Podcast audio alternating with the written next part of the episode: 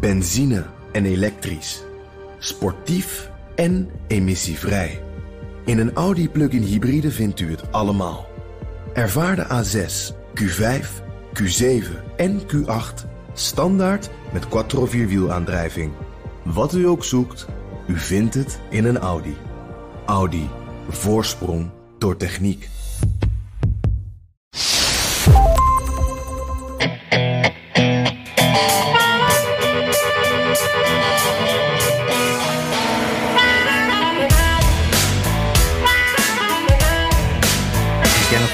Wordt gestemd over het afzetten van de gouverneur. En in Texas is al gestemd over een strenge abortuswet. Twee van de grootste staten van Amerika. Californië met de meeste inwoners en Texas met het op één na grootste oppervlakte. Met twee heel verschillende politieke profielen en beide verwikkeld in politieke strijd. Dit is aflevering 94 van de Amerika-podcast. Mijn naam is Jan Posma in Washington D.C. Mijn favoriete moment van de week met een kopje koffie erbij. En ik ben Bernard Hammelburg vanuit uh, New York. Uh, bij mij is het wat meer. Het is echt een stevige beker. En die heb ik voor de gelegenheid, Jan, maar eens gekocht bij een hele bekende keten die koffie verkoopt. Met een groen logootje. Met een groen logootje. En uh, die staat hier voor me. Lekker, lekker. Ja. Dat klinkt goed. Ja. Um, en dat is, uh, het is ook, we nemen in de ochtend op. Uh, en uh, we zijn in dezelfde tijdzone, dus ja. zo'n stevige bak koffie, dat zal de luisteraar dit keer nog beter begrijpen dan anders. Jan, Jan uh, we hebben je nodig gemist. Je was met vakantie. Waar was je en hoe was het? Ja, ik, nou, dat, kopje koffie voor jou is een hele mooie, uh, mooie brug. Uh, want uh, ik was in Washington State en Oregon. En in Washington State natuurlijk ook Seattle, waar nou ja, die koffieketen vandaan komt. Ik ben nog bij de eerste locatie daarvan geweest. dat is bij, je hebt zo'n hele mooie food market in Seattle. Hè? Dat, dat ja. ken jij ook wel. Ja, dat is ook de eerste ja. vestiging van, nou zal ik het maar gewoon noemen, Starbucks. En daar staat dan een hele lange rij voor. Met allemaal mensen die daar een kopje koffie willen. Maar ja, de Starbucks koffie is natuurlijk overal precies hetzelfde. Dus ik heb een mooie foto gemaakt en wij zijn even om het hoekje bij zo'n lokale koffietent gaan zitten. En ik moet zeggen, dat was ook lekkere koffie hoor. Ja. Dus, uh, en, en, en, en, ziet, die, ziet die, deze tent er nou anders uit dan die andere die we gewend zijn? Of is het gewoon hetzelfde? Nou, ik vond, vond het wel leuk. Van de buitenkant zag het er echt anders uit. Dan uh, zie je ook, ja, ik, ik, ik krijg altijd het gevoel dat Starbucks als een beetje een hippie-achtige uh, tent begonnen is. Ik geloof dat het ook koffie, thee en kruiden is, zo'n beetje wat er uh, op de vitrine staat. En dat is echt, nou, het ziet er ouderwets op een goede manier echt mooi uit. En als je dan naar binnen kijkt, dan zie je wel die balie. Die wordt dan hetzelfde als in de bekende Starbucks en, en de kopjes koffie ook. Dus het is vooral een fotomoment voor buiten, denk ik. Ja, ja. Hey, en, en je, je vertelde, nou goed, Seattle waarbij je van daaruit naartoe gegaan? Want dat Noordoosten is heel indrukwekkend en mooi. Maar wat heb je allemaal gezien of ben je ja, tegengekomen? Het was, het was fantastisch mooi, inderdaad. Het is echt uh, ja, een beetje Canada-achtig uh, daar. Uh, mooie bergen, rotsen, bossen, de kust. echt hele mooie natuur. Mount Rainier. Het zijn allemaal. Het, is echt heel erg mooi. Heel mooi gebied. We hebben er ook mooi weer gehad, dus dat was ook heel fijn. Ehm, ook wel gevolgen van die bosbranden gezien trouwens. Daar was in de buurt ook een bosbrand. En dat was wel bijzonder. Ik, ik nam een verkeerde afslag. Um, en uh, nou, toen reden we een stukje zo op een weg. En ineens, uh, tussen de bergen was dat. En ineens echt een, een nevel die zo over ons neerdaalt. Uh, daar om ons heen waren mensen nog steeds aan het, aan het wandelen in de bergen. Dus die, die hadden nergens last van. Maar dan doe je het raampje even open. En dan ruik je die deken van rook. Die komt er. Dat was een soort vallei. En het, het stond helemaal dicht van de rook. Uh, dus dat, dat merk je daar dan wel heel duidelijk. En het was heel bizar om te zien, want één blokje of, of ja, een, een, een, paar meter verder waren mensen gewoon vrolijk vakantie aan het vieren. Ja. Uh, er stonden de auto's geparkeerd en er werd gewandeld. Uh, maar het, het, het, sloeg echt, ja, het sloeg echt neer. Het was best heftig om te zien. Ja. Uh, en, en wat me ook opviel, dat is. Uh, uh, dit zijn natuurlijk wat meer ook de nieuwsinteressante dingen. Het was een hele fijne, mooie vakantie. Maar in Portland, daar ben ik ook geweest. En, en daar was ik nog niet eerder geweest. en, en ja, dat, dat viel me echt een beetje tegen. Want ik had natuurlijk wel veel gehoord van de problemen die in die stad zijn. Er wordt daar heel regelmatig wordt daar, ja, zijn daar rellen. Links en rechts gaat daar regelmatig met elkaar op de vuist. En dat zijn echt ja, veldslagen zijn dat. ik geloof nog geen maandje geleden dat ook de Proud Boys en, en nou ja, Antifa-achtige groepen daar dan met elkaar echt behoorlijk heftig de strijd aangaan. Uh, en, ja, die binnenstad was eigenlijk stil. Er was niemand op straat. Heel veel winkels waren dichtgetimmerd. Uh, de, de, de, lokale Apple Store die had echt een gigantisch hek. Dat, is, dat zijn altijd van die glazen gebouwen. Hè? Dus die had een gigantisch hek eromheen. dat leek wel een gevangenis. En uh, heel veel uh, daklozen, heel zichtbaar ook. Want we hebben in Washington is dat ook. Uh, nou, dan zie je ook wel hele tragische beelden van tentjes die, die in parkjes staan. En, en, in New York heb je dat natuurlijk ook. Maar het was in Portland echt heel zichtbaar. En ja, het gevoel uiteindelijk, het heeft ook hele mooie stukjes hoor. Maar het gevoel wat ik uiteindelijk aan Portland overhield was toch van... poeh, deze stad heeft toch echt wel een probleem. Hier gaat iets niet goed. Corona, de, de demonstranten, alles door elkaar. Terwijl Oregon in loop van de, nou, de afgelopen 40, 50 jaar altijd uh, opviel door, ik zou maar zeggen, door, door, dat het wat progressiever is dan een groot deel van de rest van Amerika. Uh, je had daar bijvoorbeeld voor het eerst. Uh, kon je in die staat stemmen per post. Daar had toen nog nooit iemand wat van gehoord. Ehm, de sociale programma's zijn in het algemeen redelijk in orde. je hebt heel veel uh, nou, ik zeg, ik, ik heb altijd het idee, het was dat een beetje progressieve staat. En dan kom je, ik ken ook Portland, maar niet, dat is al heel lang geleden. En het beeld dat jij beschrijft, daar schrik ik ook van. Dat, uh, er is dus iets misgegaan daar in die staat. En ik vraag me dan meteen af, wat is daar nou gebeurd? Heb je enig idee? Ja, ik, ik, ik heb dus het gevoel dat het een combinatie is. Dat, dat, uh, je merkte dat uh, coronamaatregelen, die werden daar nog heel strikt uh, nageleefd. Dat, dat is, nou, in, in de steden waar wij zitten is dat natuurlijk ook wel zo. Maar daar was het echt wel ja, heel duidelijk um, dat mensen daar echt nou ja, bang waren voor corona, zeg maar. Terwijl hier, hier worden de regels ook nageleefd, maar ik merk toch wat minder voorzichtigheid. Uh, veel winkels in de binnenstad waren echt dicht, uh, gewoon uh, tijdens normale uren door de week. Um, ik had het gevoel dat dat met corona te maken had. kantoren zijn er ook nog steeds leeg, dus er waren gewoon heel weinig mensen. En ja, dat dakloze probleem, dat is natuurlijk al veel langer daar. Dat is daar ook een groot probleem. Uh, al, al, jaren. En, en daar weten ze dus blijkbaar niet de oplossing voor te vinden. Dat, is, uh, uh, ja, dat, dat zijn allerlei problemen bij elkaar die samenkomen op, op de huizenmarkt, banen, al die zaken. Ook drugs trouwens hoor. Ik zou toch wel mensen die, die ja, met, met verslaving en dat soort dingen. Dus er komen daar gewoon heel veel dingen samen. Ja, en, nou, en ik neem aan dat je van daaruit naar de kust bent gereden. Dat is een prachtige tocht, herinner ik me. Ja, dat is fantastisch. Dat is, het contrast is daar dan ook weer heel groot. Hè? Dat, dat is echt heel mooi. En dan, en dan van daaruit naar het zuiden, naar de state of Washington? Uh, naar, het, uh, naar het noorden bedoel je? Naar het noorden, sorry. Ja, sorry. Ja, ja, nee, ja, nee, ja, toen zijn we weer teruggereden naar Seattle. En nou ja, nu ben ik hier weer. Dus zo hebben we dat gedaan. Ja, ja. ja. Nee, het was fantastisch. Moet je, toch, moet je toch nagaan dat heel veel mensen die ik destijds in Oregon heb ontmoet, die zeiden: Dit is Californië, maar dan zonder alle flauwekul. oh, dat is een mooie omschrijving. Ja, ja, dat is wel mooi. Ja. ja. Ja, nee, dat is zeker. Dat is, dat, die, die, ja, die, dat, die voel ik wel een beetje. Dat is wel een goeie. Ja. Dat is het ook echt. En, en daarbij wel, want, want Portland is ook een beetje zo'n excentriek uh, stukje daarbij. Dat, uh, daar zit, vond ik ook wel wat Californisch uh, in. En een beetje dat alternatieve. Uh, Keep Portland Weird is dan een van hun slogans. Dat hebben ze in Austin trouwens ook. Dus er zijn wel wat meer steden die dat zo voelen. Maar je zag wel wat meer alternatieve types op straat. Dat, dat was wel leuk. Het was wat excentrieker dan Washington DC bijvoorbeeld. Ja, ja, ja. Nou ja. Ja. Maar goed, ja, en, en hoe, hoe is het met jou? Want jij zit nu, je bent nu weer twee weken terug in, in New York. Uh, gebeurt daar nog wat? Nee, er gebeurt helemaal nooit iets, Jan. Nee, stille nee, stad, hè? Doodstil. Nee hoor, het, is, uh, het bruist weer wat meer. Um, en we hebben het er al heel vaak over gehad. Er gebeurt eigenlijk een beetje hetzelfde wat je in Nederland ziet. Um, dat zowel de regelgevers, laten we zeggen, uh, de jongen en, en, en, en Rutte die dan met die persconferenties komen. Ook, ook vandaag, terwijl we op deze dag dat we opnemen, komt er zo dadelijk weer één. Hmm. Um, Um, dat de sfeer is een beetje van. We hebben het nou wel een beetje gehad met dat corona.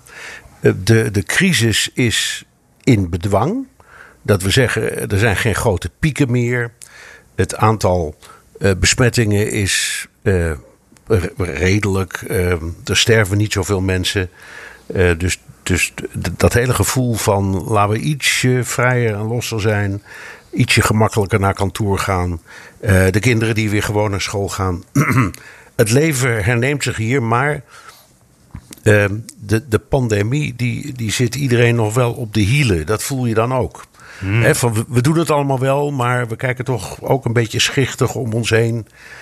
Um, en als, als iemand hoest, dan uh, doen we toch een klein, klein achteruit, zal ik maar zeggen. Ja, ja, ja. ja, ja. En voor de rest is, uh, uh, ja, over een week of zo, of anderhalve week, gaat Broadway weer open. Nou, jij was een tijdje geleden bij Bruce Springsteen, daar hebben we het al over gehad. Maar de andere theaters die gaan dan ook open met, met wat beperkte publiek en zo. Dus het begint allemaal op gang te komen. En dat voel en dat zie je ook als je op straat bent. Uh, het is weer wat normaler.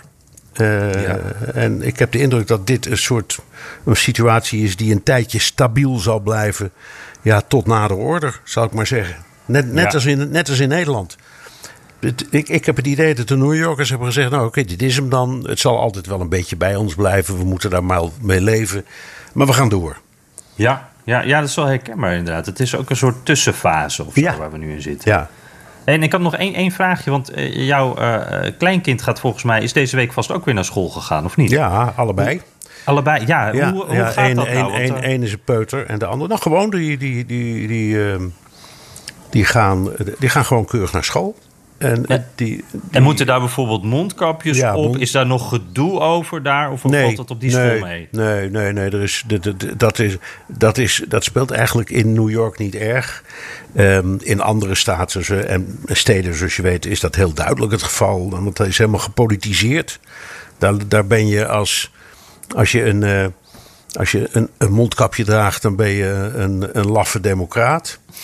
Uh, een idem voor als je je laat uh, vaccineren. Maar dat, dat soort onzin, dat, dat, dat heb je in, in New York niet. Dus mensen gebruiken daar redelijk hun hersenen. Ik, ik, ik steek er niet mijn hand voor in het vuur dat iedereen eh, is gevaccineerd. Maar ze gaan niet moeilijk doen over wel of niet een, kapje, een, een mondkapje op hoor. Uh, je ziet ook heel veel mensen op straat waar het eigenlijk niet hoeft. Die mhm. dan toch, toch dat mondkapje maar opdoen in deze omstandigheden. En ik denk dat dat ook is om een signaal te geven aan anderen. Hè? Van uh, jongens, het is nog niet helemaal over en ik neem het serieus. Dat is dan een beetje de boodschap. Ja, maar, maar er zijn geen scherpe randjes hier in deze kwestie. Ja, ja. ja, ik kan me ook voorstellen, New York is natuurlijk zwaar geraakt. Dus daar, daar zijn mensen ook echt wel gewaarschuwd. Nou en of, nou en of. Heb je helemaal gelijk in. Het is enorm geweest hier. Het is echt uh, catastrofaal geweest. En, die, en, die, en die periode is gelukkig voorbij. Ja, ja, dus een beetje licht uh, aan de horizon. Uh, moeten we eens even door naar zo'n andere staat dan, waar we al even mee begonnen, met Californië.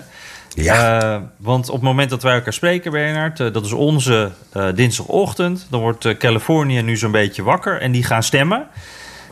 en die krijgen twee vragen, die inwoners. de eerste is, moet Newsom worden ontslagen, de gouverneur? En de tweede vraag, die moeten ze ook meteen beantwoorden, wie moet hem dan vervangen?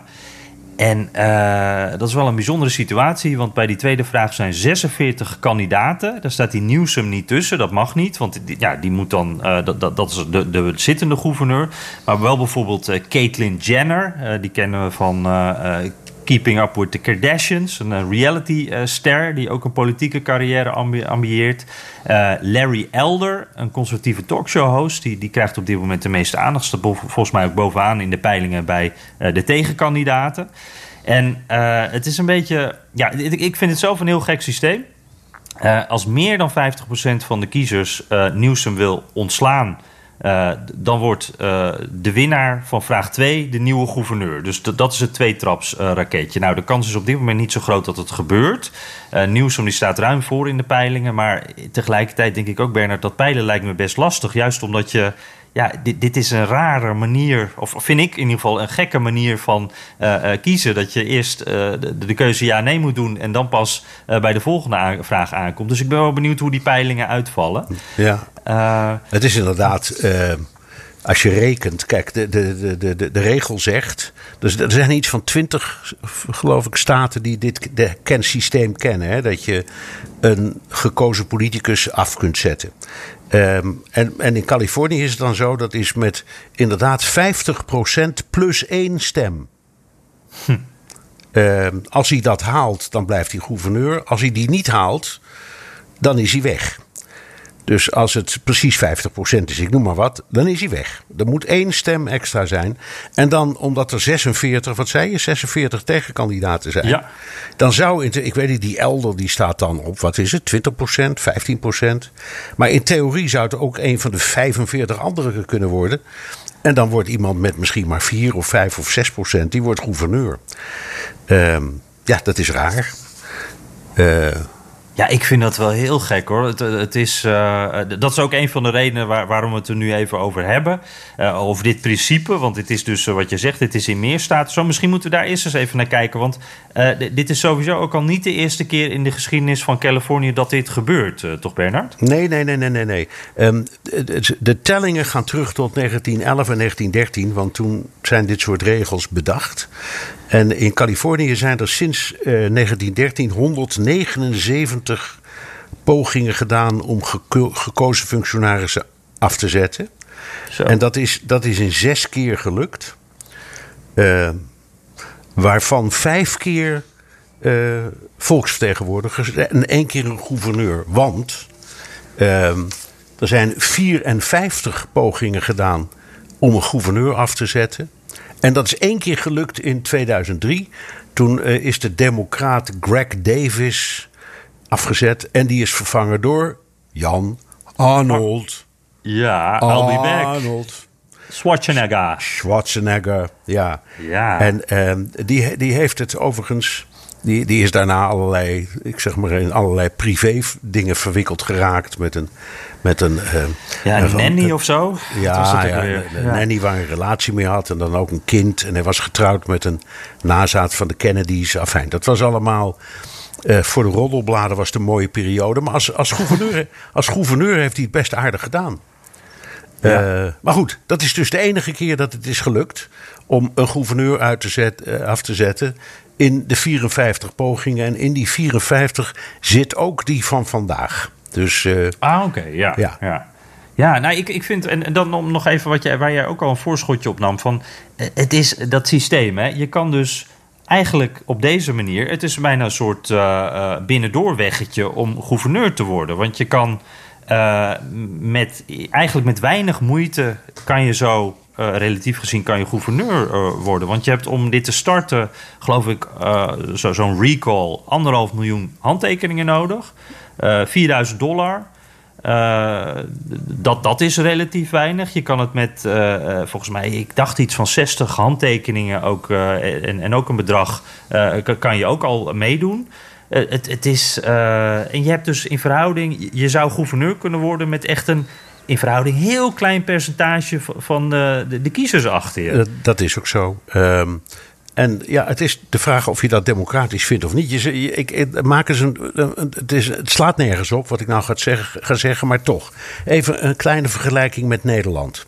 Waar wij een coalitieland, dus dat heb je in Amerika niet, maar toch. Hè? Dus daar, daar, daar wordt nu um, geflirt met kleine partijen. Hmm. Uh, partijen die maar negen zetels hebben, of maar zes of zeven.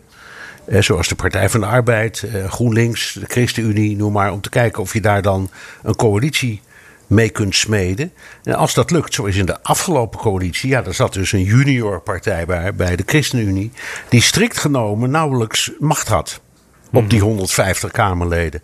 En dat kan dan toch, door de, omdat wij dat nou eenmaal doen. Of kijk naar Israël, waar ze de grootste partij buitenspel wilden zetten. En dus een coalitie hebben gesmeed van acht partijen om vooral dat voor elkaar te krijgen. Het is ook gelukt. Ik, nogmaals, het, het, het, het, het zijn appels en peren. Maar het idee dat een minderheid uh, het voor het zeggen kan krijgen, dat is op zichzelf, of kan, kan via verkiezingen kan scoren, dat is op zichzelf in een democratie, uh, dat komt meer voor. Dus mm -hmm. dat. Ja, ja, het is ook een beetje hoe het systeem kan werken. Zeg ja, het is hoe, het, uh... hoe het systeem kan werken. En vergeet niet als als uh, Newsom gewoon die 50% plus één stem haalt, wat, wat jij en ik volgens mij allebei denken. Ja. ja, nou ja, dan kun je ook zeggen, dan heeft het systeem prima gewerkt. Ja. Ja. Uh, en de helft plus één, ja, dat is niet zo'n gek principe in een democratie. Nee, dat is eigenlijk best wel duidelijk. Ja, dat, uh, ja, ja. ja.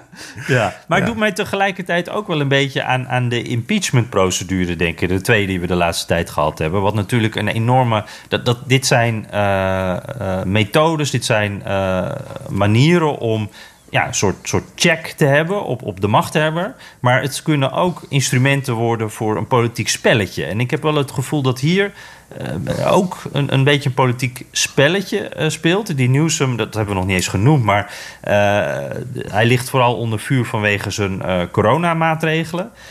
en daar is een e soort extra katalysator geweest dat hij op een bepaald moment in een restaurant zat zonder mondkapje met een groot gezelschap. hij zegt zelf van ja, maar alle deuren en ramen stonden open, dus het was formeel niet binnen.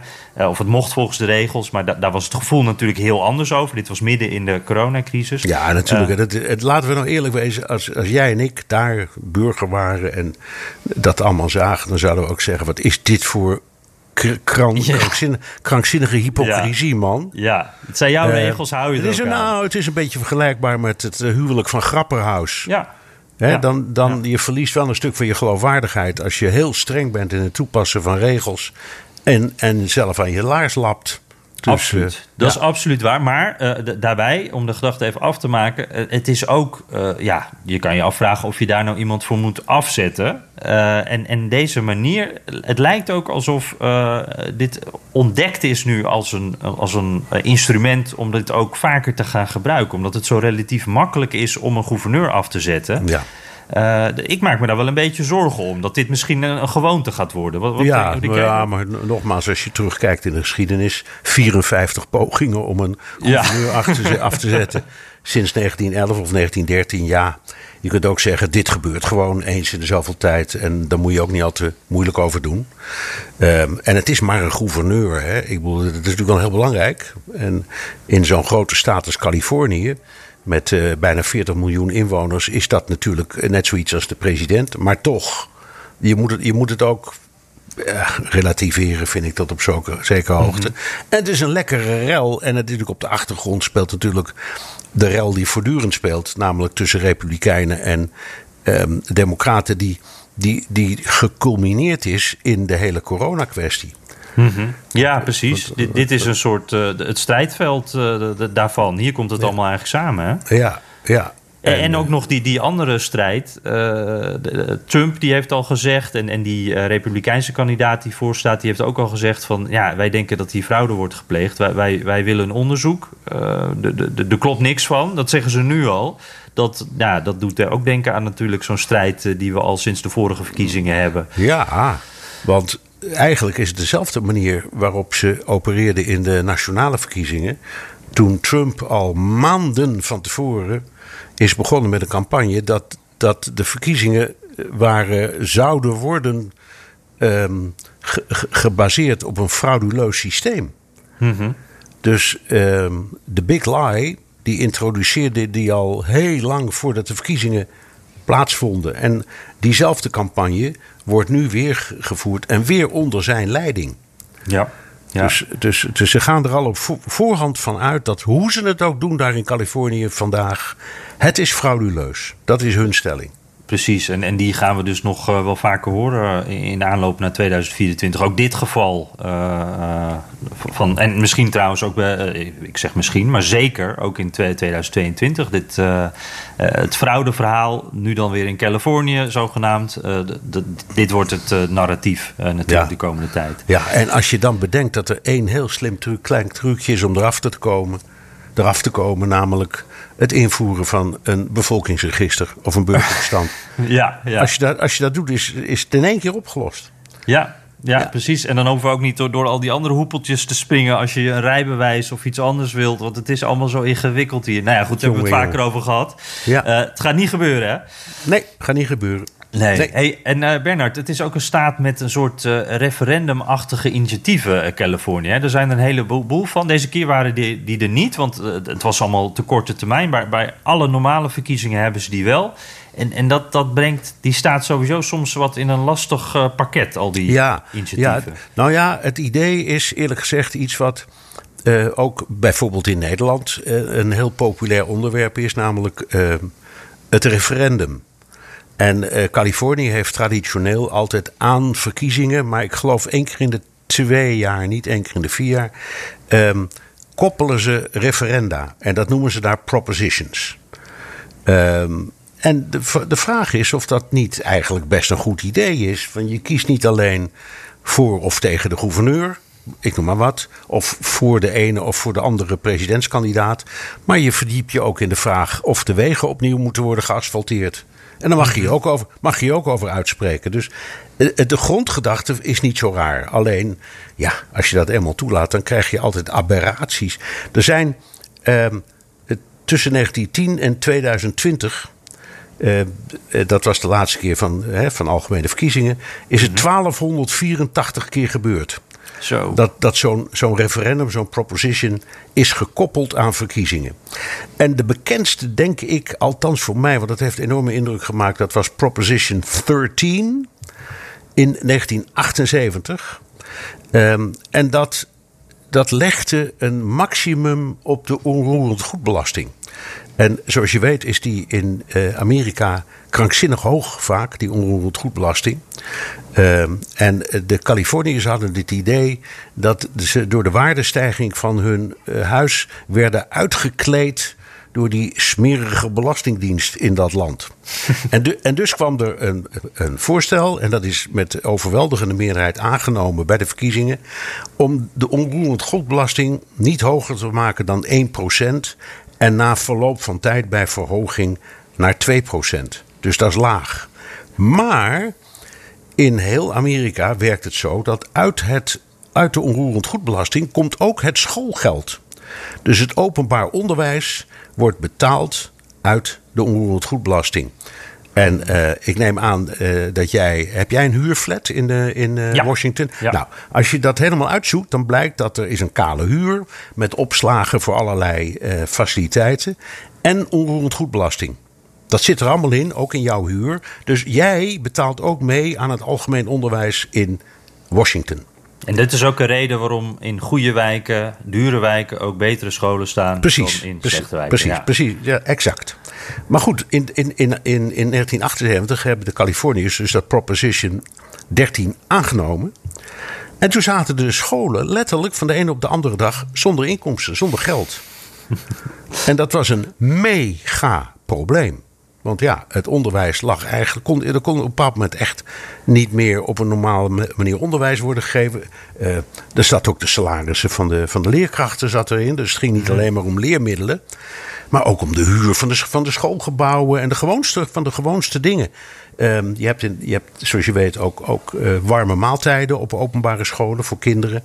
Dat heeft ook weer te maken met armoebestrijding. Dat, aan, al dat soort programma's kwamen mega in de problemen. Maar, en uiteindelijk is het natuurlijk opgelost, zoals alles wordt opgelost. Maar er zijn heel veel mensen die zeggen: dit, deze hele kwestie heeft bijgedragen aan het succes uh, van Ronald Reagan, die twee jaar, twee jaar daarna als president werd gekozen. Uh, omdat die campagne had gevoerd op een anti-belastingplatform. Hmm. Uh, en het is ook een reden waarom de staat Californië technisch voortdurend failliet is. Of op het ja. randje van dat faillissement. Dat komt allemaal door die ene, door dat, die, dat ene Proposition 13 uit 1978. Want eigenlijk, als je, je zou kunnen zeggen, die staat wordt dus door. Uh, ook als gouverneur kan je er niks aan doen. Je wordt eigenlijk gedwongen. Uh, moet je je inkomsten dan uh, terug laten lopen. Je, je wordt gedwongen tot zo'n mate. Je kan er niet zoveel aan doen. Dus dit, dit, dit, dit zit elkaar toch ook in de weg op zo'n ja, manier. Precies. Het volk bepaalt in feite dat de begroting moet worden herschreven. Ja. ja, uh, ja. Nou, je moet je voorstellen, wij, hebben, uh, wij zitten nu in de maand waarin Nederland een nieuwe begroting krijgt. Hè, op de derde dinsdag van september. Um, en stel je nou eens voor dat er een referendum overheen komt. waarin het volk zegt: um, ik noem maar wat. ja, dit is allemaal leuk, maar ehm, de postonderwijs moet worden gehalveerd. En dat, en dat zou bindend zijn. Nou ja, dat is rampzalig als zoiets Ja, gebeurt. ja, ja, of volksgezondheid. Noem maar wat. Dus zo werkt het een beetje in Californië. En de gouverneur of het, het, ja, het kabinet en het eh, plaatselijke parlement... die hebben dat maar uit te voeren. Ja, ja, jimmig. Ja, zo. eh, eh, ja, ik, het waanzinnig verhaal. Ook van zo'n grote staat trouwens. Dat dat dan op zo'n manier zo in de problemen kan komen. En Ja. wat ik ook wel bijzonder vind, is zo'n proposition. Daar heb je eigenlijk ook maar weinig relatief voor nodig. Hè? Je moet geloof ik 2000 dollar neerleggen. En je hebt een handtekening nodig van 5% van het electoraat. Ja. Dus dat, dat is eigenlijk, nou ja, dat is nog flink, eh, een flink aantal stemmen. Maar je, je kan met relatief weinig middelen, kan je dat toch voor elkaar krijgen. Precies, en eh, dat is ook de bedoeling. De, het hele idee is, dit moet, dit moet toegankelijk zijn voor iedere burger. Ook als hij straatarm is, uit een achterbuurt of zo. En hij vindt dat er iets moet worden aangenomen of afgeschaft. Dan moet hij de gelegenheid hebben om dat aan de verkiezingen toe te voegen. Het heeft ook wel iets sympathieks, Jan. Hoe gek het ook is en hoe lastig het in de praktijk ook is. Maar mensen die iets, eh, die een beetje geloven in het idee van het nut van een referendum. En er zijn eigenlijk in de hele democratische wereld voortdurend discussies over. En er zijn ook andere landen die dat hebben. Bijvoorbeeld Zwitserland. Heel succesvol met referenda. Ja, dan, dan, als je dan zegt, ja, maar dan moet iedereen het ook kunnen doen. Dan moet je niet een rijke eh, jongen of meisje zijn, maar dan moet je ook met bijna niks moet kunnen, moet je kunnen meedoen. Ja, dat vind ik dan ook wel weer aardig. Ja, ja, nee, zeker. Het, eh, ik, het voorbeeld wat jij noemde, dan denk je van... oké, dit zijn dus de praktische gevolgen. Het werkt niet zo mooi altijd als dat het op papier eruit ziet. Maar het is natuurlijk wel... het is heerlijk concreet, het is heel democratisch. Het, eh, het lijkt mij fantastisch als je voor dit soort concrete dingen kan stemmen. Ja. En even nog één dingetje over wat er vandaag dan speelt met eh, de, de, de, de Newsom. Dat zijn dus, zoals jij zei, twee vragen. Eén, moet hij aftreden? En twee, wie moet hem vervangen? Volgens de regels van dit referendum hoef je maar één van die twee vragen te beantwoorden en dan telt hij al mee. Ja, Dus dat is voor degene die gaan tellen helemaal ingewikkeld. ja. Want Nou, hoe, en- ma- hoe maak je daar een staffel van? Hè? Hoe, hoe, dat is een wiskundig sommetje. Maar hoe doe je dat? Dat Ja, valt ook niet mee hoor. Ja, ja. en, en ik, daarom ben ik ook benieuwd hoe, hoe die peilingen uit gaan vallen. Dat is eh, waarschijnlijk, eh, als jullie dit horen, luisteraars, dan is dat waarschijnlijk al niet zo actueel meer. Maar eh, ik, ik ben wel benieuwd, want het, het, het- volgens mij wordt dat best wel lastig. Als iemand bijvoorbeeld alleen ja of nee invult, of iemand vult alleen een andere, de, de andere kandidaat in, maar niet ja of nee, dan, dan kan het best wel gek lopen met zo'n uitslag, lijkt me. Maar Ja. ja, we zullen zien. Hey, en, en Californië sowieso. Hè. Het, het is echt, ik, ik heb het gevoel dat Californië is een beetje een soort vreemde eend in de bijt eh, in, Amerika, in de Unie. Eh, omdat het zo ongelooflijk eh, groot is. Het, het is elke keer, ja, die, die cijfers komen al vaker voorbij, dus ze zullen de- niet iedereen verbazen. Maar als het een land was geweest, is de vijfde economie ter wereld. Dat, dat, Zo groot is het. het Het is een, een gigantische staat, bijna 40 miljoen inwoners. Dat is ook, dat is ook echt heel veel. Ehm, en het is eh, een staat met een eigen karakter. Ehm, nou, jij, bent er, jij kent de staat, ik, ik, ik ken het ook redelijk goed. Iedereen die daar geweest is, zal dat erkennen. De sfeer is daar anders dan in de rest van eh, Amerika. De taal is er anders. Ehm, de, het karakter van de gemiddelde Californië is compleet anders dan van de rest van Amerika. Ehm, het, het, is ook, het zijn ook allerlei idioterieën. Eh, Los Angeles is toch een tamelijk belangrijke stad eh, in Californië en in de wereld. Dus bij mijn weten de enige stad die is gebouwd op een zandvlakte zonder enig water in de, tot in de verre omgeving. Dus ehm, het water in de stad Californië, dat moet geloof ik uit de Mojave-woestijn of weet ik wat, uit, uit de Colorado-rivier via pijpleidingen worden aangevoerd. Krankzinnig. Geen, geen planner zou dat ooit zo hebben gedaan. Ehm, en dan, ja, wie, wie wil er gaan wonen met een toch redelijke kans dat je ooit eh, in de grootste aardbeving ter wereld terechtkomt? Het is een hele wonderlijke gemeenschap met een heel eigen karakter. En je kunt het ook zien bijvoorbeeld in hun taal, want als ze over jou en mij praten, wij wonen in Back East. ja, zo praten Ja. ze. Ja. Dus, uh, dus zo, zo, zien ze ook ons. Dat is een andere wereld en dat is eigenlijk. Het is ook zo ver weg, dat Californië. Ja. Weet je, ik vind het ook echt. Ik vind het een hele mooie omschrijving. Want zo voelt het ook wel een beetje. Dat, dat oude uh, die oude oostkust. Een beetje van, van vroeger. En, en dat Californië meer de, de toekomst is. En, en back east, dat is uh, iets van uh, ver weg en lang geleden. En traditioneel, en traditioneel, Californië is natuurlijk altijd een beetje hipper. Dat heeft natuurlijk ook dat heeft te maken met Hollywood. Het heeft te maken met Silicon Valley. Ja. Um, het heeft te maken met hele bijzondere onderwijsinstellingen. Denk aan Stanford University. Een ja. van de allerbeste ter wereld. Um, dat hele systeem van het staatssysteem van universiteiten. Hè, UCLC bijvoorbeeld. En zo zijn er een hele zwik. Allemaal fantastisch. Ja, Berkeley. Berkeley. Ja, dat zijn allemaal hele bijzondere onderwijsinstituten. En het heeft allemaal een beetje een progressief karakter. Dat is absoluut een feit. Het is een, het, je zou kunnen zeggen, het is een, in meerderheid een linkse staat. Er zijn ook wel hele grote gebieden met, die zeer uitgesproken republikeins zijn. Maar mhm. ik, ik geloof dat twee derde van de staat is democratisch. Dat is heel veel. En dat zie je ook uh, meestal terug in uh, verkiezingen, lokaal zoals landelijk. Ja, ja, daar ben ik even, even eh, ingedoken. Want dat vond ik toch wel interessant. Omdat uh, Californië is natuurlijk niet altijd zo, zo geweest. en ik zat het even op te zoeken. Ehm, na de Tweede Wereldoorlog was Clinton in 1992 de eerste democraat waarvoor de Californiërs kozen. Dus het is heel lang ook veel conservatiever geweest. Ja. En uh, ook als je kijkt, uh, nou, het is natuurlijk ook de staat van Reagan, de staat van Nixon. Uh, als je naar nu kijkt, het is de staat waar uh, de, de, de, de leider in het huis van de Republikeinen, Kevin McCarthy, vandaan komt. Uh, Devin Nunes. Ja, maar ook de, leider van, ook, de, ook de leider van de Republikeinen. Van de, van de, de ja, Pelosi. De, de, de, Democraten. Die, die komt ja. uit, uit, San Francisco. Ja, ja precies. Dat is de tegen Adam Schiff ook. Kamala Harris komt natuurlijk uit. dus het is de, ze zijn er van beide kanten. Maar we horen altijd over die, die democratische kant. En, en het is dus ook wel. Het kan ook zomaar weer uh, het kan zomaar weer veranderen, want dat is ja. in het verleden dus ook wel gebeurd. Ja, je hebt de bekende Valley, zoals dat heet. Hè. Dat is dus die grote vallei uh, bij, in de buurt van San Francisco, van uh, Los Angeles. En dat is bijna helemaal republikeins. Dus je hebt helemaal gelijk. Het is, het, is, het is een hele aparte staat met een hele aparte sfeer. En een leuke staat ook, vind ik. Hele echt een hele leuke plek. Hele leuke staat, ja. ja. Hey, uh, ja, we, we, praten eigenlijk al te lang over deze grote staat. Want we hebben nog een andere grote staat, hè, waar we het ook even over wilden hebben. Texas. Um, ja, vind ik ook een hele leuke staat trouwens. Laat ik dat eerst maar even. Dat is ook een, een fantastische plek om heen te gaan. Uh, maar heeft een heel ander profiel. Uh, meer echt traditioneel conservatief. Uh, nou, de, de, laatste jaren eh, zeggen we steeds bij elke verkiezing: oh, het verandert wat van kleur, het wordt wat democratischer, maar het, nou ja, het gebeurt dan eh, steeds net niet.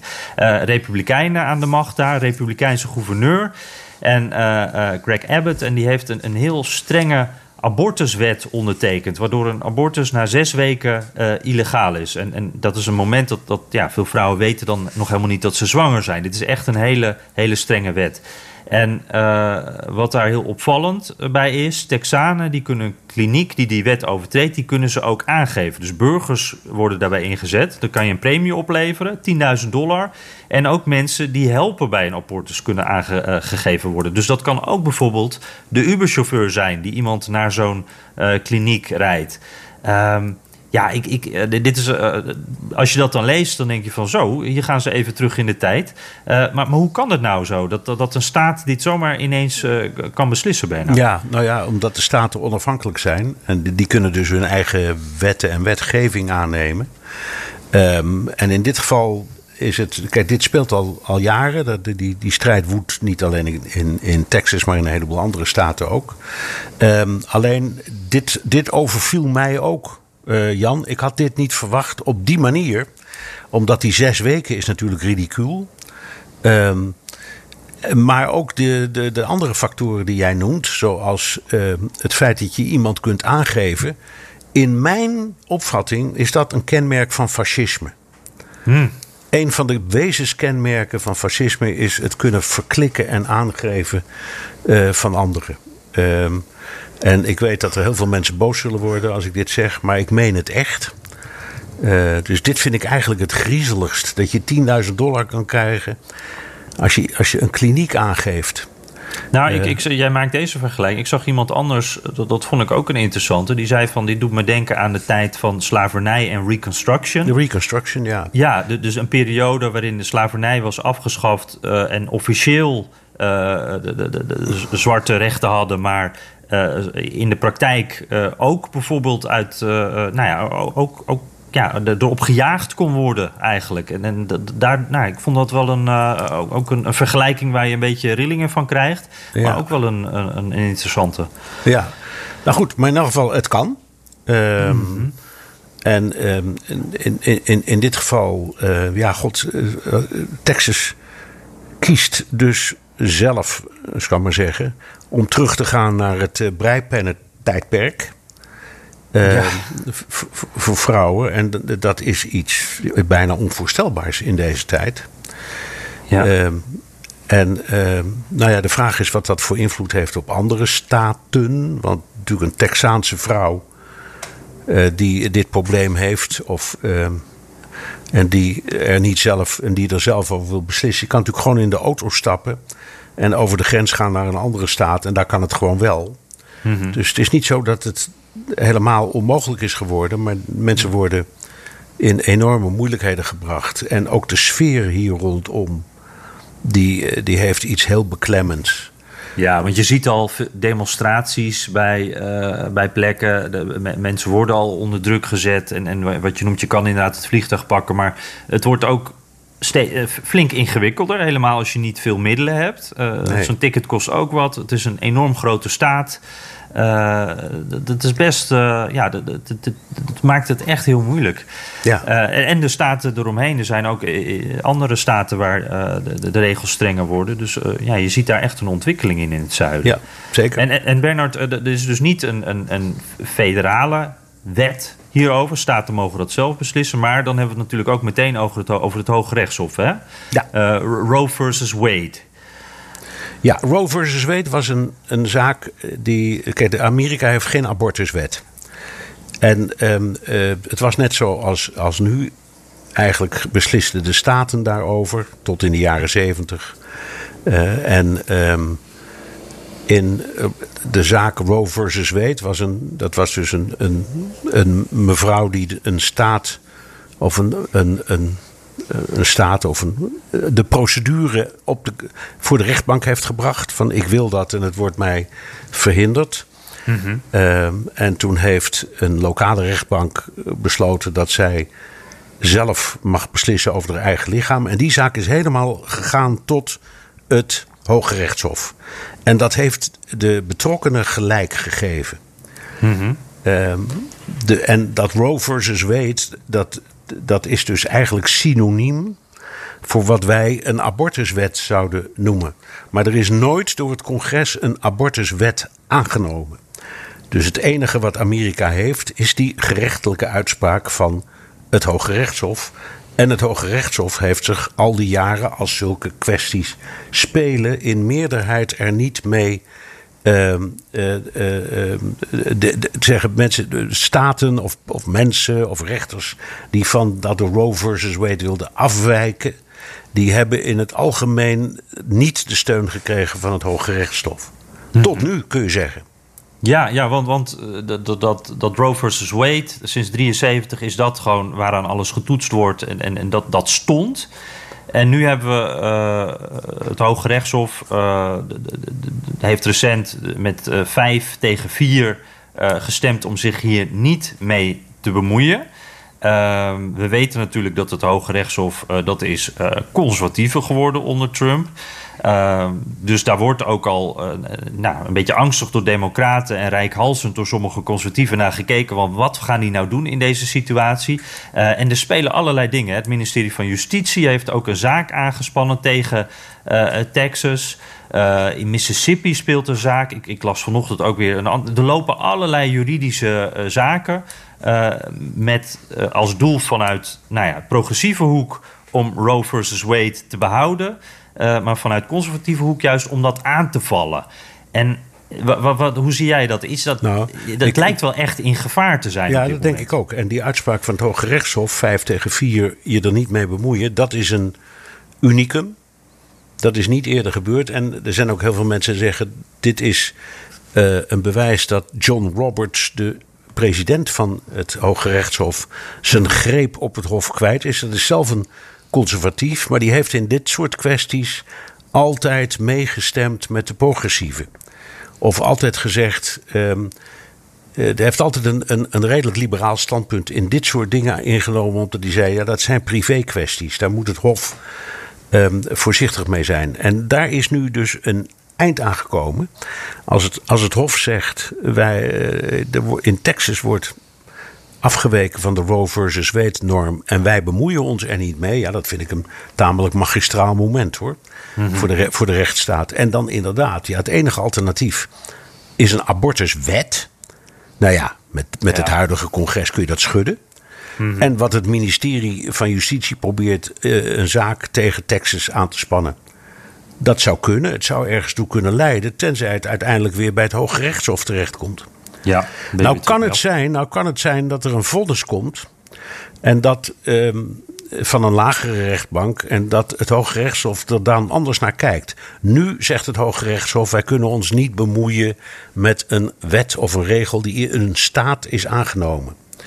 Maar als het, eh, het ministerie van Justitie, het federale ministerie van Justitie, een zaak begint tegen een, uh, laten we zeggen, een, recht, een gerechtelijke uitspraak in Texas, dan zou het misschien alsnog kunnen terugkomen bij het Hooggerechtshof. Maar ik ben er tamelijk uh, pessimistisch over.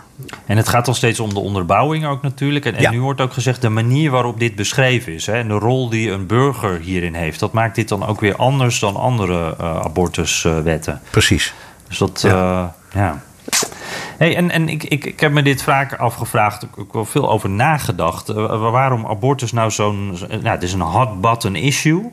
Uh, dit is echt iets, iets heel belangrijks voor uh, religieus Amerika, voor conservatief Amerika.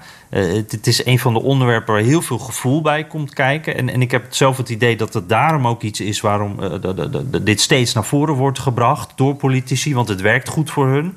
hier worden mensen heel boos over. Hier gaan ze de straat voor op. dat, dat werkt beter dan bijvoorbeeld even discussiëren over een snelweg of een zorgverzekering. Dit is echt iets waar mensen ja, gevoel bij hebben. Maar ik heb het ook altijd een hele rare tegenstelling gevonden. Want aan de ene kant, religie speelt natuurlijk een belangrijke rol. Maar tegelijkertijd, alles in dit land draait altijd om vrijheid. Uh, dit is toch de ultieme inmenging van de overheid in je privéleven? Ja, en, precies. En het is dus eigenlijk iets wat in strijd is met de oorspronkelijke republikeinse gedachte. Gedachtegoed bemoei je nooit met het privéleven van de burger. Daar gaan we niet over. Um, ik heb ooit in, in zijn nadagen heb ik daar Barry Goldwater over geïnterviewd. Hmm. Uh, niet zo lang voordat hij overleed. Nou, dat was aardsconservatief. Aardsconservatief. Hoewel die, moet ik eerlijk zeggen, zoals je wel vaker ziet, dat zag je ook bij Nixon en dat zag je ook bij Johnson. Na hun aftreden toch wat milder werden en ook wat wijzer. En Goldwater was op het einde van zijn leven, ik zou maar zeggen, een beetje naar links opgeschoven. Maar daar ging het niet om. Mijn vraag was. Um, zijn kwesties als homohuwelijk of abortus, uh, de zogenaamde social issues, zoals ze worden genoemd, zijn dat nou eigenlijk wel republikeinse dingen? En toen zei hij, maar natuurlijk niet. Hm. Uh, de Republikeinse Partij heeft altijd als principe gehad minimale overheidsbemoeienis, uh, minimale federale belastingen. Uh, bijna alle belangrijke beslissingen laten bij de burger zelf. En de overheid is alleen om te voorzien in voorzieningen die je nu eenmaal via, van de overheid moet en kunt verwachten. Zoals wegen en scholen en ga zo maar door. Hè? En, mhm. en infrastructuur, daar, daar, daar, moet iemand voor zorgen. En, maar voor de rest uh, zegt een echte republikein: we gaan eigenlijk nergens over. Mensen maken zelf uit hoe het leven in elkaar steekt. En in dit geval uh, is dat wel gebeurd. En dat is inderdaad gebeurd uh, door uh, dat Ronald Reagan destijds in zijn verkiezingscampagne een conctie heeft gesloten met de evangelistische beweging. En daardoor is het een heel belangrijk onderwerp geworden op de republikeinse agenda. En ehm, daardoor is het ja, een soort van graadmeter geworden bij verkiezingen. Mm -hmm. Terwijl ik altijd de indruk heb dat de meeste mensen, ook in Amerika, die kunnen, je kunt voor of tegen abortus zijn. Hè? Dat heeft niks te maken met de wet. Dus je kunt zelf zeggen, als het mijzelf overkomt, ja, dan doe ik, dan, dan doe ik geen abortus. Dat ben ik tegen. Maar of de wet er iets over vindt, dat is iets heel anders. Ehm, en dat is inderdaad eigenlijk pas in de jaren tachtig geïntroduceerd. En daarmee heeft de, de Republikeinse Partij een zwenk gemaakt. Ja, ja, toen hebben ze eigenlijk gezegd: wij, wij beschermen het kind. Eh, Dat is waar we voor kiezen. Eh, Ja. eh, Dus En, dat ze, gaat en, boven het en je, ja. mag ook nooit ergens tegen zijn. Dus de beweging die tegen abortus is, die noemt zichzelf pro-life. Ja, En de, de, de beweging die voor de vrije keuze van de vrouw is, die noemt zich pro-choice. ja. Dus je bent altijd ergens voor en niet ergens tegen. ja, dat zijn fantastische termen die beide kanten heel goed hebben uitgekozen. Ja. Hey, en, en denk jij dat dit eh, Republikeinen ook nog zou kunnen schaden? Want eh, jij zegt, eh, nou, nou, je noemt het net ook al een beetje van, je kan hier, dit is iets persoonlijks, hier heb je mening over. Als ik, een, ik heb een beetje naar peilingen ge- gekeken, wat altijd bij abortus wel ingewikkeld is, want die wisselen vaak nogal. Eh, maar je ziet toch wel, ik zie wel een soort lijn, dat de meerderheid van de Amerikanen voor abortus is. En, en als dit nou echt een, een soort eh, eh, ja, domino-effect heeft. En, en dat het echt eh, in het hele land voor, voor grote gevolgen gaat zorgen voor die abortuswetgeving. Ja, wat doet dat dan met de Ja. Republikeinen? Ja, dat weet ik ook niet. Het is een goede vraag. En, en ik, ik stel het anders. Hè. Ik zeg niet, de meeste Amerikanen zijn voor abortus. Ik zeg, de meeste Amerikanen zijn voor de vrije keuze van de vrouw. Dat, is, dat is wat anders dan voor abortus Ja, zijn. ja, dat is waar. En dat is trouwens ook een, waarom die peilingen een probleem zijn. Als je het net anders formuleert, krijg je heel andere antwoorden. Ja, en, en, en daarom weet ik, ik weet het antwoord niet. Maar het, voor zover ik kan beoordelen, is inderdaad het grootste deel van de Amerikanen voor vrije keuze. Ik heb Eh. daar, daar, daar te- wat dan wel, want je noemde ook net eh, homorechten bijvoorbeeld. Ik heb wel het gevoel dat daar een veel duidelijkere verschuiving is bij, bij conservatieve jongeren met name. Dat daar echt iets aan het veranderen is en al is veranderd. En bij abortus weet ik dat nog zo niet. Nee, je hebt gelijk. Dat is mijn gevoel ook. Ik, heb- ik heb het idee dat er ook dat eigenlijk heel politiek Amerika ehm, het hele, de hele discussie over homorechten gewoon heeft afgesloten. We- Daar zijn we over klaar. Iedereen is het erover eens dat dat mag en eh, dat dat moet kunnen. En daar ga je niet over. Zowel links als rechts. Wat, wat, wat, wat, wat een behoorlijke opsteker is, vind ik. Voor, Ja. voor een samenleving. Ja, zeker. Met, met de kanttekening voordat mensen gaan mailen dat, dat eh, transgenders en, en eh, nou ja, er, zijn nog genoeg categorieën zeg maar, die, die echt nog het moeilijk hebben en genoeg werk te, te, te doen hebben. Zeg oh, maar, zeker, zeker, zeker. zeker. Maar, Dus die, die emancipatie Ja. is niet volledig. Nee. En, en eh, het vooroordeel bij veel mensen is nog steeds mega. Maar dat bijvoorbeeld, hè, die, die, die, dat toch wel dat beroemde verhaal van het homohuwelijk, waar Obama tegen was. ja. En toen merkte dat steeds meer staten zelf het homohuwelijk invoerden. En dat Obama op een bepaald moment heeft gezegd: Ik moet om. Ik begrijp nu dat ik mee moet met deze beweging. Dus ik ga daar nu ook achter staan. Dat deed hij eigenlijk een beetje tegen zijn eigen gevoel in. En ik denk dat hij daarmee heel goed het gevoel schetst van heel veel Amerikanen. In mijn hart vind ik het nog steeds raar, maar ik zie in dat ik dit moet steunen. Ja, ja, was toen eh, Joe Biden, die sprak toen zijn mond voorbij volgens mij. Ik weet niet meer precies hoe dat zat. Maar die, die zei het toen al toen eh, eh, Obama het nog niet gezegd had. Nee, precies. Ja, die was hem voor. Ja. Ja. Ja. terwijl, terwijl dat ook opmerkelijk is, want die is natuurlijk eh, die is behoorlijk eh, streng katholiek. Dus die heeft zich daardoor ook nog behoorlijk in de wielen gereden hoor, zichzelf. Ja, ja, en, Ja. en op abortus nu weer. Hè? Maar goed, dat is een, een ander verhaal waar we het nog maar eens eh, over moeten hebben. De, de delen van de kerk zijn heel boos op hem. Hey, hoe, hoe schat je dat in? Hoe conservatief is Texas op dit moment? Want nou ja, deze wet is er doorgekomen omdat er gewoon allerlei, eh, op allerlei sleutelposities zitten gewoon conservatieve republikeinen in die staat. Eh, bij elke verkiezingen de laatste jaren horen we weer van, oh, dit gaat van kleur veranderen. Dit wordt eh, purple, dit wordt de paarse staat en dan een democratische staat. Nou, Ehm, maar het gebeurt Volgens- nooit. Nee, volgens mij is dat nog wel een paar nachtjes slapen hoor, Jan. ja, precies. Want Ja. het is inderdaad zo, er, er, is, er is nogal wat immigratie. Eh, er zijn me- mensen uit de noordelijke staten die naar eh, Texas komen om alle mogelijke redenen. Ja. Economische redenen, omdat ze te grappig Dallas, vinden. Austin. Austin, Ook ja, uit Californië veel trouwens. uit hè? Californië, Allemaal, eh, mensen voor die de banen. thuis voelen. Ja. Er komen ook veel mensen met een minderheidsachtergrond naar de staat. Uh, ook vaak uit een soort van traditionele overwegingen. Van daar komen mijn voorouders vandaan en ik wil daar best weer heen. Dus er gebeurt van alles. Maar of zich dat nou echt verandert, dat zijn natuurlijk niet zulke hele grote groepen. Uh, en of die, de hele, die hele grote plattelandsbevolking van Texas uh, kunnen compenseren. Nou, ik denk, zoals ik zeg, dat is nog wel een paar nachtjes slapen. Ja, ja, daar is het verschil echt heel groot tussen stad en platteland. Ja, uh, steden als Austin en, uh, en Dallas en, en, Houston en daaromheen. Uh, ja, de heel andere politieke kleur, veel conservatiever. Ja. Uh, dus ja. Hey, uh, dank ook even trouwens aan Leon Huizer. Uh, die had een mailtje over dit onderwerp gestuurd en die wilde weten wat we ervan vonden. Nou, ik, ik hoop dat je zo genoeg bent bijgepraat. want nou, we hebben volgens mij de meeste aspecten wel gehad, toch? Ja, maar Dat, dat is toch een prachtig bruggetje wat je hier maakt. Zullen we naar luisteraarsvragen gaan? Wat heb je allemaal? Ja, zeker. Thomas Dijkstra. met genoegen luistert hij wekelijks tijdens de autorit. Uh, hij zegt, ja, de, de laatste tijd gaat het veel over Afghanistan. Maar van mijn Amerikaanse familie hoor ik hier eigenlijk niets over. Het lijkt alsof dit voor Amerikanen zelf bijna niet speelt. Ze hebben het vooral over de nieuwe abortuswetgeving in Texas. Nou, hebben we het ook over gehad. En de toenemend, uh, toenemende gebruik van ontwormingsmiddel... Uh, als medicijn tegen corona. Ja, dat is ook iets wat speelt. Wat, voor andere, wat voor onder andere mijn oom toch een vreemde stap is. Want eerst ontkende hij het bestaan van het coronavirus en ondertussen erkent hij het dus. Maar ik denk dat het vaccin geen goed medicijn is. Nou, ook valt het op dat uh, als ik op andere Amerikaanse podcasts iets hoor over Afghanistan, dat het dan vaak gaat over hoe uh, de Amerikanen vinden dat die andere troepen hun eigen boontjes maar moesten doppen. Terwijl ik toch altijd de impressie had dat uh, onze reden er was om de Amerikanen te helpen. Ja, misschien even beginnen met die laatste. Um,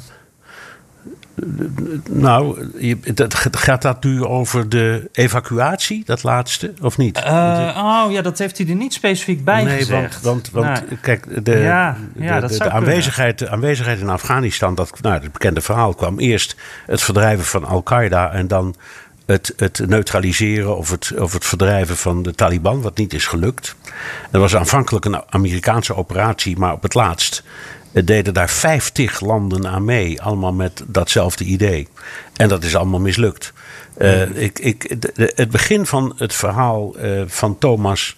Dat uh, spreekt mij wel aan, omdat dat zul jij ook hebben. Je hoort gewoon mensen hier in New York en jij in Washington of waar dan ook om je heen. Ik kan niet zeggen dat de dagelijkse conversatie over Afghanistan gaat. Nee, dat is waar. Absoluut niet. Dus het is dit hele verhaal is vooral een verhaal van politici, journalisten en, onderschat het niet, veteranen. Hm. Dat zijn er heel veel en daar zijn heel veel hele ernstige kwesties met um, uh, posttraumatische stress, met verwondingen, met allerlei toestanden. Dus in die uh, veteranengemeenschap leeft dit natuurlijk enorm. Vooral het idee van uiteindelijk hebben we verloren. Dat is iets verschrikkelijks. Uh, maar voor de rest is het toch meer. Het is echt een, een, een discussie tussen. En over, tussen politici en journalisten die met elkaar iets vinden hiervan. Maar de gewone Amerikaan, de gemiddelde Amerikaan, die denkt linksom of rechtsom: ik ben blij dat we eruit zijn. Ja, en, en ik vind het wel, want we hebben het er eerder over gehad ook. Dat wij, toen zeiden we van die beelden, die waren wel heel indringend. Dus uh, we vragen ons af, normaal gesproken, die nieuwscyclus gaat verder. En op een bepaald moment kijken Amerikanen weer naar hun eigen uh, dingen. Bijvoorbeeld coronavirus, de economie, dat soort dingen. Uh, maar wij vroegen ons toen wel af van, ja, hoe, hoe blijven die beelden het nieuws domineren? En ik moet zeggen, als ik nu naar de televisie kijk, is Afghanistan echt wel een beetje het nieuws van vorige week of de week ja, daarvoor. En ja. uh, ik, hoewel we het ook voorspeld hebben, voelt Ja. dat toch raar. Ik weet niet hoe jij dat nee, hebt, maar... Het, precies hetzelfde. Precies hetzelfde. We wisten dat dat zou gebeuren. Het is altijd zo met nieuws. En er is altijd weer nieuw nieuws. En dat verdringt dan het andere. Dat is, ik noem dat uh, het, het, systeem van de selectieve verontwaardiging. We springen allemaal boven op een verhaal. En een week later springen we allemaal boven op een ander verhaal. Um, en dat is hier heel duidelijk het geval. Ja. Um, en het is misschien ook, ook weer, heeft ook wel weer zijn andere kant. Want ja, het, het, het beleid van de regering is: wij sluiten dit hoofdstuk af. Dus dat op een bepaald moment het volk mordt of niet zegt: nou ja, het is afgesloten. Daar is ook wel wat voor te zeggen. Hè? Het is nu over. Ja. Uh, en uh, er zijn wel allerlei andere rare dingen. Het is natuurlijk helemaal niet over. En wat doe je nou met die Taliban? Dan ga je die wel en niet erkennen. En, en uh, nou goed, dat zijn dan allemaal kwesties die spelen. maar voor de, voor de gewone, ik denk voor de gewone Amerikaan blijft, dat zie je ook aan de peilingen. Het belangrijkste is, hè, hè, we zijn daar weg. Biden had gelijk, je kunt niet 300 miljoen dollar per dag blijven uitgeven aan een conflict dat je niet kunt winnen. Mm -hmm. Ja, uh, het, het blijft daar wel oorlog, maar het is in ieder geval niet meer onze oorlog. Het is, niet, is, meer, uh, het is niet meer onze oorlog. Nee. Ja. Uh, nou goed, in ieder geval, uh, Thomas, dank voor je vraag. En ook wel goed inderdaad om hier even op terug te komen. Uh, Hans Metske, ja, die, ik denk dat David ook wel luistert. dus David, deze is voor jou. Na de Adamsjes, de Clintons en de Trumps leveren Bernard en David regelmatig, gelukkig, het bewijs dat nepotisme heel vermakelijk en leerzaam kan zijn. Te gek. en ja. nou, zegt hij gelukkig ook, doet natuurlijk niets af aan het feit dat Bernard en Jan een gouden, gouden duo zijn. Dus dat, hè, dat ook. Dat en zo is het.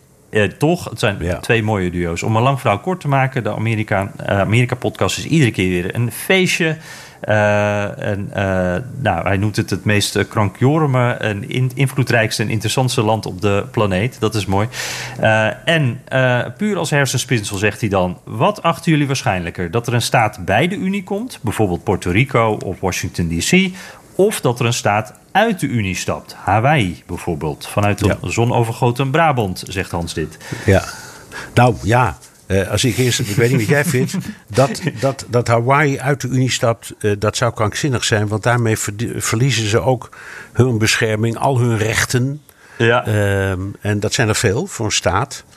Uh, bijvoorbeeld dat een staat, die mag volgens de, de federale regels niet failliet zijn of geen geen tekort op de begroting hebben. Dus als er financiële problemen zijn, dan is de staat verplicht om dat aan te vullen.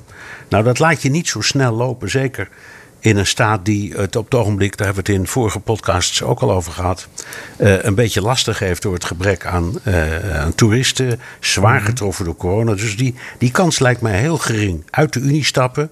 Het is trouwens uh, een hele procedure, want het mag niet. Dus nou ja, dan moet je dan eerst naar het hoge Er is wel eens een oorlogje over ontstaan. Er is wel eens een oorlog over ontstaan, precies. Um, dus het, dat is nog een hele kwestie. Um, Overigens wel één leuk detail. Omdat het zo ver ligt, is Hawaii geen onderdeel van het NAVO-gebied. Wist je dat? Nee, dat wist ik niet. Nee, het valt dus buiten het NAVO-gebied. Dat geldt trouwens ook voor de Antillen. Ah. Dus, dus de, de, de, de Virgin Islands, maar ook de Nederlandse Antillen. Die, die vallen allemaal buiten het NAVO-gebied. Nou, en juist Pearl Harbor telt dus niet mee? Nee, telt niet hmm. mee als, als uh, NAVO-gebied. Hm. Uh, en dan de andere vraag. Uh, een staat erbij, ja. Puerto Rico, uh, uh, Washington DC. Die discussie die loopt al decennia. En ik denk dan steeds, ja, zeg ze kijken wel uit. Uh, want dan komen er ook per staat twee senatoren bij. Ja. En dat worden natuurlijk democraten. Um, ja. Dus al kosten ja. de republikeinen hun allerlaatste adem. Dit, dat gaan ze nooit doen. Nee. Dit, gaan, dit gaan ze blokkeren. Dus ja. Ik denk dat allebei niet gebeurt. Ik uh, ben het helemaal met je eens. En dat, ja. uh, op dit moment is het allebei ongeveer net zo waarschijnlijk als dat uh, Brabant uit Nederland zou stappen, denk ik, Hans. Ja, of, of wat, dacht jij, wat dacht jij van Friesland, vriend? Ho, ho, ho, ho, ho. Laten we ja. daar niet over beginnen. hey, Floris Bom, uh, die zegt naar aanleiding van vorige week... vroeg, mij, uh, vroeg mij, uh, ik mij iets af. David die vertelde in een bijzin dat de vicepresident ook het hoofd is van NASA... Uh, leuk feitje, zegt hij. En toen dacht ik bij mezelf, grappig natuurlijk, dat lijkt me best een interessante taak, uh, hoofd van NASA. Uh, nou weet ik dat je, als je niet in Amerika geworden bent, dat je geen president kunt worden. Maar hoe zit het eigenlijk met de vicepresident? En hij zegt dan allemaal theoretisch, want ik heb natuurlijk die ambitie niet. En nou ja, dat is me goed ook, denk ik, voor. Want, nee, nou, ja, het, ant antwoord is, het antwoord is heel simpel. Het antwoord is nee. Ook de vicepresident moet in Amerika zijn geboren. Um, want die kan het presidentschap moeten overnemen. Sterker nog, dat is strikt genomen de enige taak van de vicepresident. Hè? One, one heartbeat away from the presidency. Dus als, als de president omvalt of wordt afgezet of, of, of uh, niet meer compos is, dan treedt de, de vicepresident in werk. En dat moet dus ook een Amerikaan zijn. Zo simpel is het. Ja, logisch eigenlijk. Ja. Uh, Sebastian Benning, uh, die zegt, uh, ja, die wil uiterst bescheiden bijdragen aan de Amerika-podcast. Dat zegt hij zelf, uiterst bescheiden. Hij heeft een boekentip. Ah, altijd ja, leuk. Dat vinden we zeker leuk. Dus niks bescheidenheid. laat maar komen. het is een van mijn favorieten, zegt hij. These Truths, A History of the United States, geschreven door Jill Lepore. Uh, en uh, uh, nou, hij zegt er nog, hij is advocaat in Amsterdam, gespecialiseerd in internationale sancties, exportcontrole en nog meer ingewikkelde zaken. En hij luistert graag naar ons en naar de wereld natuurlijk, waar we ook allebei in zitten. Dus dat is helemaal goed. En dat boek, Bernard, ik weet niet of jij hem toevallig hebt gelezen. Ik heb hem gelezen. En dat is inderdaad een heel goed boek. Ik heb hem niet gelezen, dus ik luister heel goed naar de tip. ja. Die krijg ik nu en van Sebastiaan en van Jan, dus ik heb geen keus. Nee, zeker. Het, uh, Sebastian heeft helemaal gelijk. Het is inderdaad echt een, een heel goed boek. Uh, het is ook een heel. Uh, het is best wel een dikke, wat ik me kan herinneren.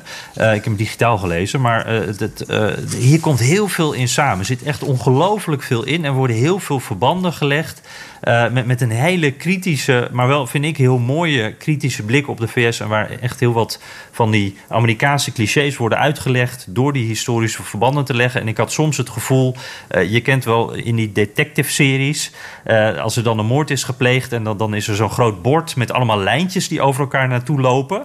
Ja, ja. Dat, dat gevoel had ik wat bij dit boek, maar dan wel heel. Het is niet dat je de draad kwijtraakt hoor, maar er worden heel veel verbanden gelegd. En ja. zij schrijft, ja, het is ook heel mooi geschreven. Het, het is, volgens mij schrijft ze ook voor de New Yorker, weet ik niet helemaal zeker. Maar echt goed boek, dus goede tip. Oké. Uh, ja, moeten we daarmee dan ook uh, een beetje afronden, Bernard? Want, uh, ja, ja, zo'n ja, beetje. Hè? Ja, ja. oké. Okay, heb je nog recensies? Nou, ik, ik had niet een specifieke recensie, maar Bernard wel een hele mooie mijlpaal. Want we zitten nu op 400 recensies op Apple Podcasts. Dus nou, dat is een, een, momentje, zullen we maar even zeggen. Een, een, een, een mijlpaal die we even mogen vieren. en daarbij ook de, dus de vraag of jullie daar alsjeblieft mee door willen gaan. Want daar worden we beter door gevonden, is heel belangrijk voor de podcast. En uh, de meeste, er zitten ook een leuk uh, tekstje bij. Vinden we ook leuk om te lezen. En als je er nou eentje schrijft, dan hoor je die mogelijk volgende week wel terug. Oké. Terugluisteren kan via de BNR-site, Apple Podcast of Spotify. Heb je vragen, opmerkingen, kritiek of complimenten, dan kan dat ook met een tweet naar Jan Posma USA of BNR De Wereld. Of heel ouderwets met een mailtje naar dewereld.bnr.nl. Ja, en laat ons ook even weten hoe je naar ons luistert en waar. En of je een boekentip hebt, dat vinden we altijd leuk. En ja, Bernard, ik weet nog niet hoe het volgende week gaat. Want we zitten allebei, ik zit dan ook in New York. Het is een hele drukke week. Volgens mij voor jou nog wel meer dan voor mij, want het is VN-week uh, eigenlijk. Hè? Het uh, wordt uh, rennen en vliegen. Ja, maar wie weet Jan, vinden we ergens een rustig hoekje even... Dat zou toch mooi zijn? Dat zou dan, mooi uh, zijn, hè? Gaan we in ieder geval proberen. En dan pakken Ja. we allebei zo'n uh, beker van uh, die bekende fabrikant met het groene logo. Zo is dat. Hey, Oké. Tot volgende week. Jij ook. Dag Jan.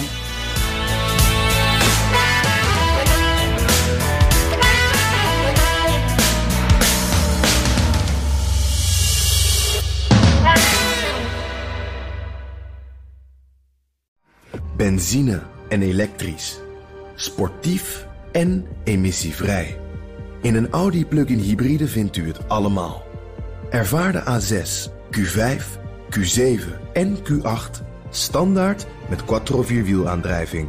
Wat u ook zoekt, u vindt het in een Audi. Audi.